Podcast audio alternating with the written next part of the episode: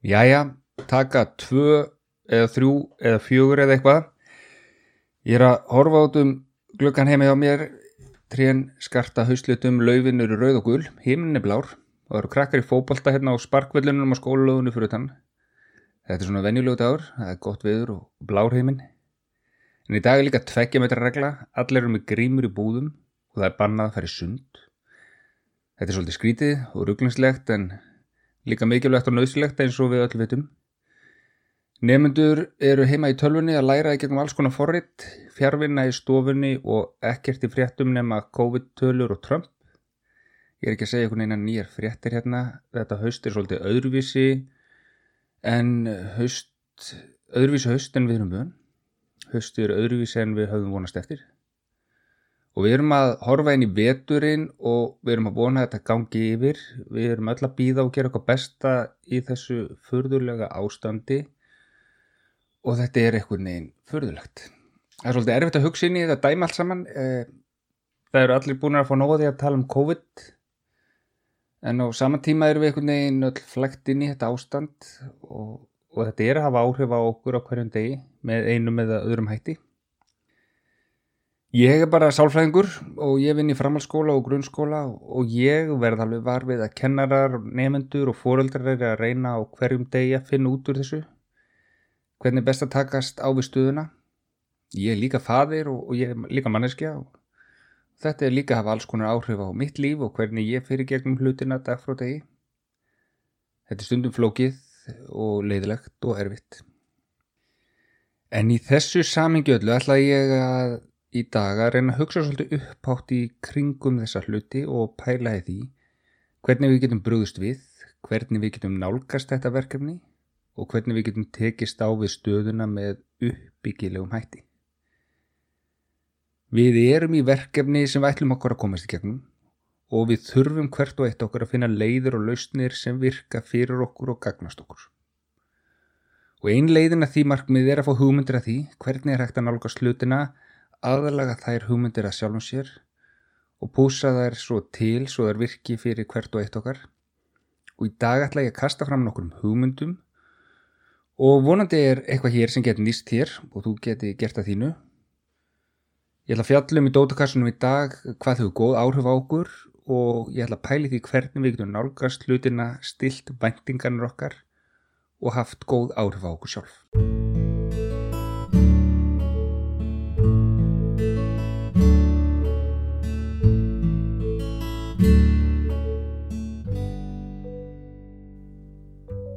Þegar við finnum okkur í einhverjum aðstæðum sem eru óþægilegar að erfið er oft gott að taka stöðuna og kortleggja hana með einföldum hætti uh, og reyna til dæmis að velta því upp.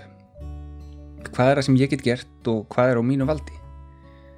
Ég fjallaði um það áður hérna í dótakassanum að, að það er til dæmis hægt að spyrja sig svona þryggja spurninga til þess að byrja áttasæðans á hlutunum þegar okkur finnst eitthvað flókið og erfitt og þær eru eftirfærandi þar spurja sjálfan sig að því hverju get ég breytt mikið? Hverju get ég breytt lítilega eða, eða soldið? Og hverju get ég ekki breytt? Það getur verið ágætt að svona aðeins að reyna að staðsetja verkefnin og aðstafuna sínar svolítið í þessi, þessi þrjú hólf. E, það er að segja að spurja sig að því hvað, hvað get ég haft mikil áhrif á þessi aðstafur og hvaða atrið get ég haft áhrif á? Það er nefnilega það er nefnilega oft óþarfa orka sem fer í það hjá okkur þegar við erum að pyrra okkur á og velta fyrir, fyrir okkur hlutum sem við getum ekki breytt. Ég get ekki haft áhrif á veðrið eða breytt því ef það er mánudagur en á móti get ég klætt mig eftir veðri og ég get skipulagt hvað ég ætla að gera um helgina næst þegar ég fer í frí. Og það opnar á svona ákveðna möguleika fyrir mig að einbeta mér að þessum hlutu sem ég get haft áhrif á og eigða ekki orkunum minni í hinna þetta er svona að kortleika hlutina svona er eins konar æfingi því að reyna að átta sig á því að sumir hlutir í kringum okkar eru fastir en margir hlutir í lífun okkar eru hreymanlýr það getur mjög mikilvægt fólk, fyrir fólk að horfa á möguleikana og á hreymanlegu þættina í lífunu sínu og gefa þeim hlutum sem við getum ekki breytt minni aðtili og ég er bara svona tökum dæmi. Tökum dæmi í um stöðuna í dag sem er eins og hún er. Ég til dæmis, ég get ekki búið til lækningu við COVID. Ég get ekki breytt ákvörðunum stjórnvalda. Ég get ekki opna framhaldsskóla og sundlöður þetta eru hlutir sem aðrir bera ábyrð á og aðrir hafa stjórn á það er fullt af fólki í vinnu við að finna út úr þessum málum kortleggja stöðuna og finna lausnir og leiður út úr þessu. Uh, en þar sem þetta er ekki á mínu valdi þá er orkunum minni ekki velvarið orkunum minni er ekki vel nýtt með því að vera stöðt að pyrma á eða hugsa um þessa stóru mynd. Þetta er í ágæti söndum hjá góðu fólki sem er að reyna að finna út úr þessu. Ég get ekki breytt þessum hlutum. Uh, ég get haft nokkur áhrif á stöðuna þó til dæmis með því að passa mig. Þetta er svona, ég get haft svona par, part áhrif á það með því að passa mig og fylgja eftir fyrirmælum um sóttvarnir fari varlega, innfalda líf mitt gera hlutina mín öðruvísi mun eftir tveikja metra reglunni og nota grímur í búðum og hittast ekki í stórum hópum. Þetta eru hlutir sem ef ég tilhenga mér þessa hluti þá er ég að hafa nokkur áhrif á stöðuna. Um, þetta sem ég geri það leysir ekki stórumyndina en ef allir gangi takt og vanda sig þá hjálpar þetta til. Og við kynum þannig saman sem samfélag skrúfa niður mesta þrýstingin í kringum okkur. Mitt framlag, mín hegðun skipti máli. Og það að gera minna þýðir raun að ég sé að gera helling í þessu samengi og á einnig á hinnendan er þetta er rosa mikilvægt átt að segja því að þó að sé þarna sum hluti sem ég get ekki breytt og einhverju hluti sem ég get haft svona nokkur áhrif á þá eru aðri hlutir sem ég get haft mjög mikil áhrif á. Og það eru mörg atrið í mínu eigin lífi sem ég get breytt og, og aðlagað og, og, og gert með uppbyggilum hætti á hverjum degi. Ég get lagt áherslu á hluti sem geða mér orku og gleði, ég get lagt áherslu á að ná nægum svefni, ég get stunda líkamsrækt og reyfingu, ég get verið í samskiptum við vini mína og útfært hittinga í litlum hópum ef ég, ef ég passa upp á tveikjametarregluna og svo framvís. Og þannig er hægt að ímynda sér að, að með því að ramma hlutinu svolítið upp þá getur við svona fundið út því og kortlagt smá saman hvaða hlutir það eru sem eru að hafa góð áhrif á mig. Uh, ég var sem dæmi um dægin að kenna í hópi framhalskólanemenda og ég bað nefndunum að láta sér dett í hug hvaða hlutir uh, hvaða hluti hægt væri að gera sem hafa góð áhrif á mann. Og bara á nokkru mínútum þá komið fram margar mjög góður hugmyndir og leiðir sem hægt er að vinna með. Uh, þeim dæft til dæmis í huga að veri gott að lesa góða bók, leggja kapal, spila spil, horfa góða myndi eða þætti, prjóna, spila hljófæri, hugleiða, færi gungutúr, borða hotlan mat, ringja í vini sína, taka til í herbygginu sínu, mála, teikna, gera jókaæfingar eða baka. Uh, þeim fannst líka mikilvægt að tala við fjölskylduna sína, sinna áhuga málunum sínum og og sinna námunni jæmt og þétt og forðast þannig óþara saminskupið. Og við hefum getið haldið áfram í marga klukkutíma að búa til lengri lista. En þetta eru bara dæmi um það að það er margt sem hvert og eitt okkar getur gert til að hafa jákvæð og uppbyggileg áhrif á sjálfansig. Uh, við þurfum auðvitað að finna þá hluti sem henda okkur sjálfum og ein leiðin í því er að, er að búa til lista af þeim hluti sem komið til greina, prófa okkur áfram og útfæra okkar leiðir en hafa þetta svona bakvið eirað og hafa þetta í huga að hérna að, spurja sig að þessari spurningu sem er svo mikilvægt. Hvað hefur góð áhrif á mig? Hvaða hlutir get ég gert sem eru svona innlegg, uppbyggilegt innlegg inn í, í mér?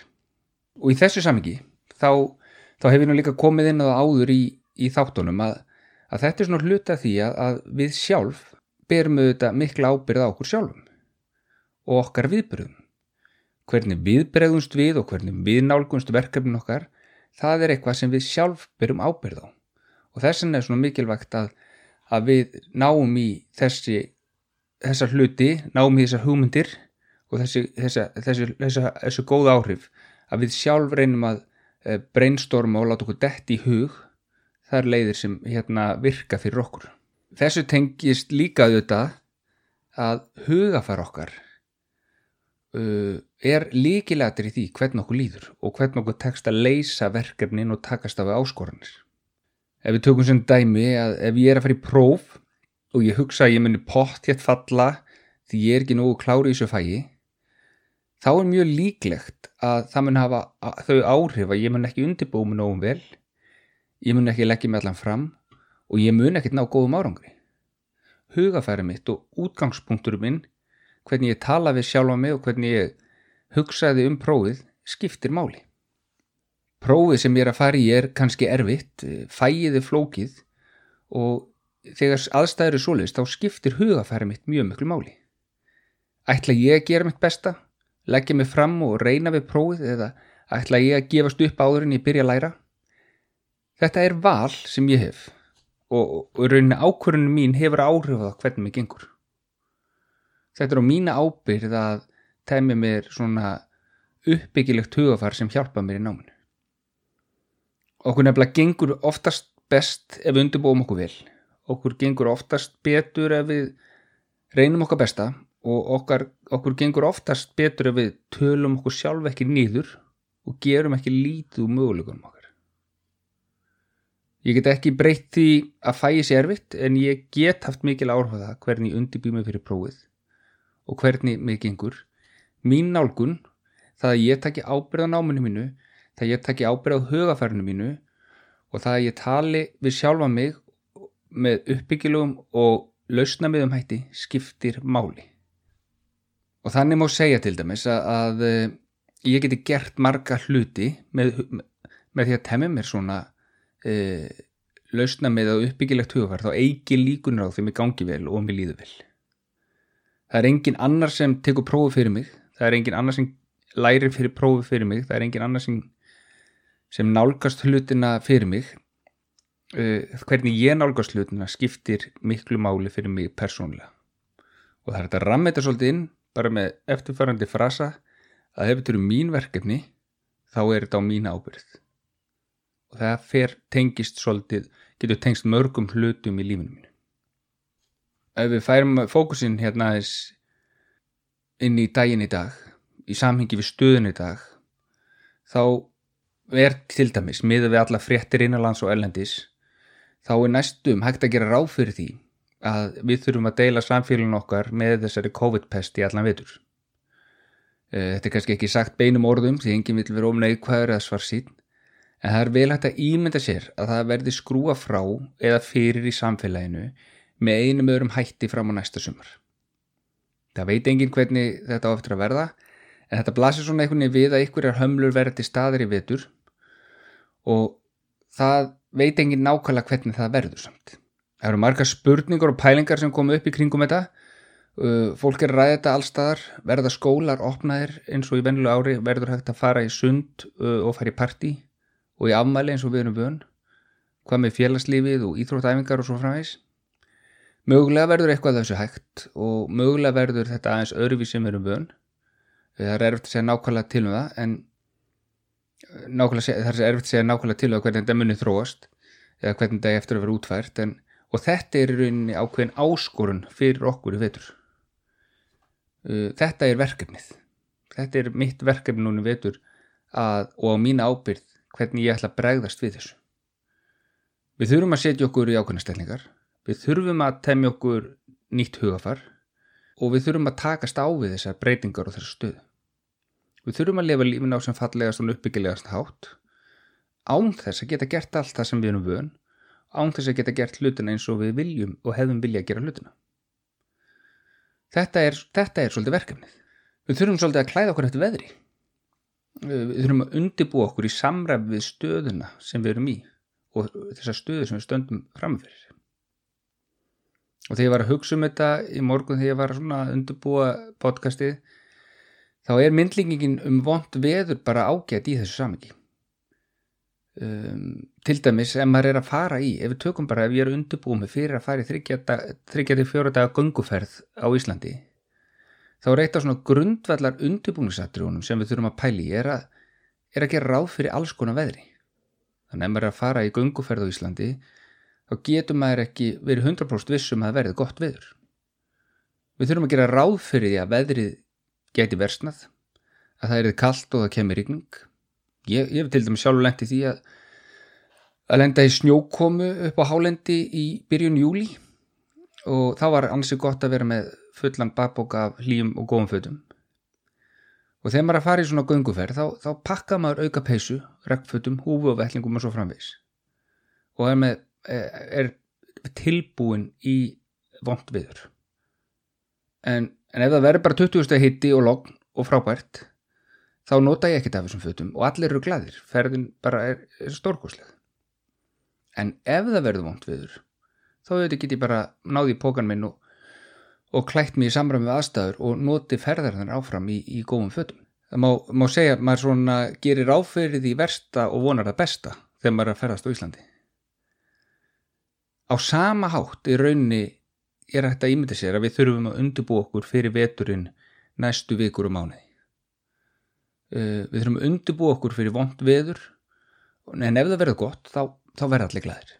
Og hvað á ég við með því? Já, kannski við með því að, að ég svona á tali mínu við nefndur og, og við fólk svona undanfarna mánuði, vini mínu og fleiri, þá, þá eh, upplifum maður eitthvað leiti að, að hérna, og ég held að ef við teljum okkur trúum og ef við reiknum með því allt verði venjulegt eftir eina, tvær vikur, þá eru talsverða líkur á því að við verðum fyrir vonbröðum og við verðum ósátt ef hlutinu gangi ekki upp. Eh, til þess að bregðast við þessu, þá getur verið gott að venja sig á að hugsa þetta svona eins og við sem að fara í gunguferð á Hálendu Íslandi hugsa þetta, heyrðu, þetta gæti orðið rugglingslegt og öðruvísi svolítið langan tíma og gera bara frekar ráð fyrir því að skólanir opna ekki mikið og að takmarkanir verði með þessum hætti eitthvað áfram búa sér undir það. En ef skólanir opna og takmarkanina minka þá er það bara frábært og þá getum við fengið að njóta þess og allir eru glæðir og þannig með því að stilla hugaförið okkar og væntingarnar af með þessum hætti þá mingum við líkunar á því að verða fyrir vonbröðum og náum að minga svona neikvæða upplifin okkar á stöðunni. Við sitjum líföðt í bakbókan, við notum þau eða kemur vond viður og sama hátt sitjum við okkur í stellingar fyrir samkúmutakmarkinir og, og skert og opnun í samfélaginu og notum þau trygg sem hafa góð áhrif okkur. Við getum byrjað strax í dag að byggja upp lista af góðum hlutum sem hafa góð áhrif á okkur eins og ég gerði með nefndónum mínum um daginn. Við þurfum ekki að býða eftir í eitthvað gott gerist, látum eitthvað gott gerast, vinnum í kringum áhuga málun og þá hluti sem gef okkur kraft og orku. Við erum ofinn fyrir því að gera hlutina öðruvísi með nýjum hætti, prófa að gera hluti sem við kannski ekki gert áður og svo framvegs og ég, sko, það er mikilvægt að taka fram ég er ekki að reyna að vera neikvæður eða með leiðindi með að leggja þetta svona fram. Ég er, að, ég er bara einfallega að reyna að í veturinn og aðstæðnar eins og það byrtast mér og, og, og svona hveti ykkur til þess að bara taka eftir því og, og vera meðvituð um það. Það er margt uppbyggilegt sem hvert og eitt okkar getur gert. Eins og að fara varlega og leggja áherslu sem hafa góð áhrif á okkur og að huga fara okkar og vendingar skiptir máli í öllu þessu samengi og með því að vera raunsæ og horfa á hlutina sem við sjálf höfum stjórn á og vera ekki með væntingar um hluti sem við höfum ekki fulla stjórn á og draugum við úr líkonum á því að upplifa leiða og kvíða og streytu. Ég ætla að draga saman í dag eh, og segja þetta svolítið gott í dótakassanum og sitja á lokakassan.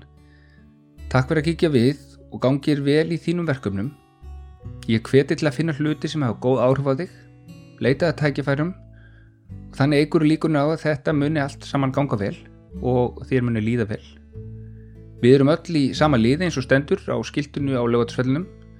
Við erum öll að takast á við þetta dóturi og leiðin, leiðirnar og lausnar sem við veljum skipta máli. Gangið vel, takk fyrir að hlusta og takk fyrir í dag. you.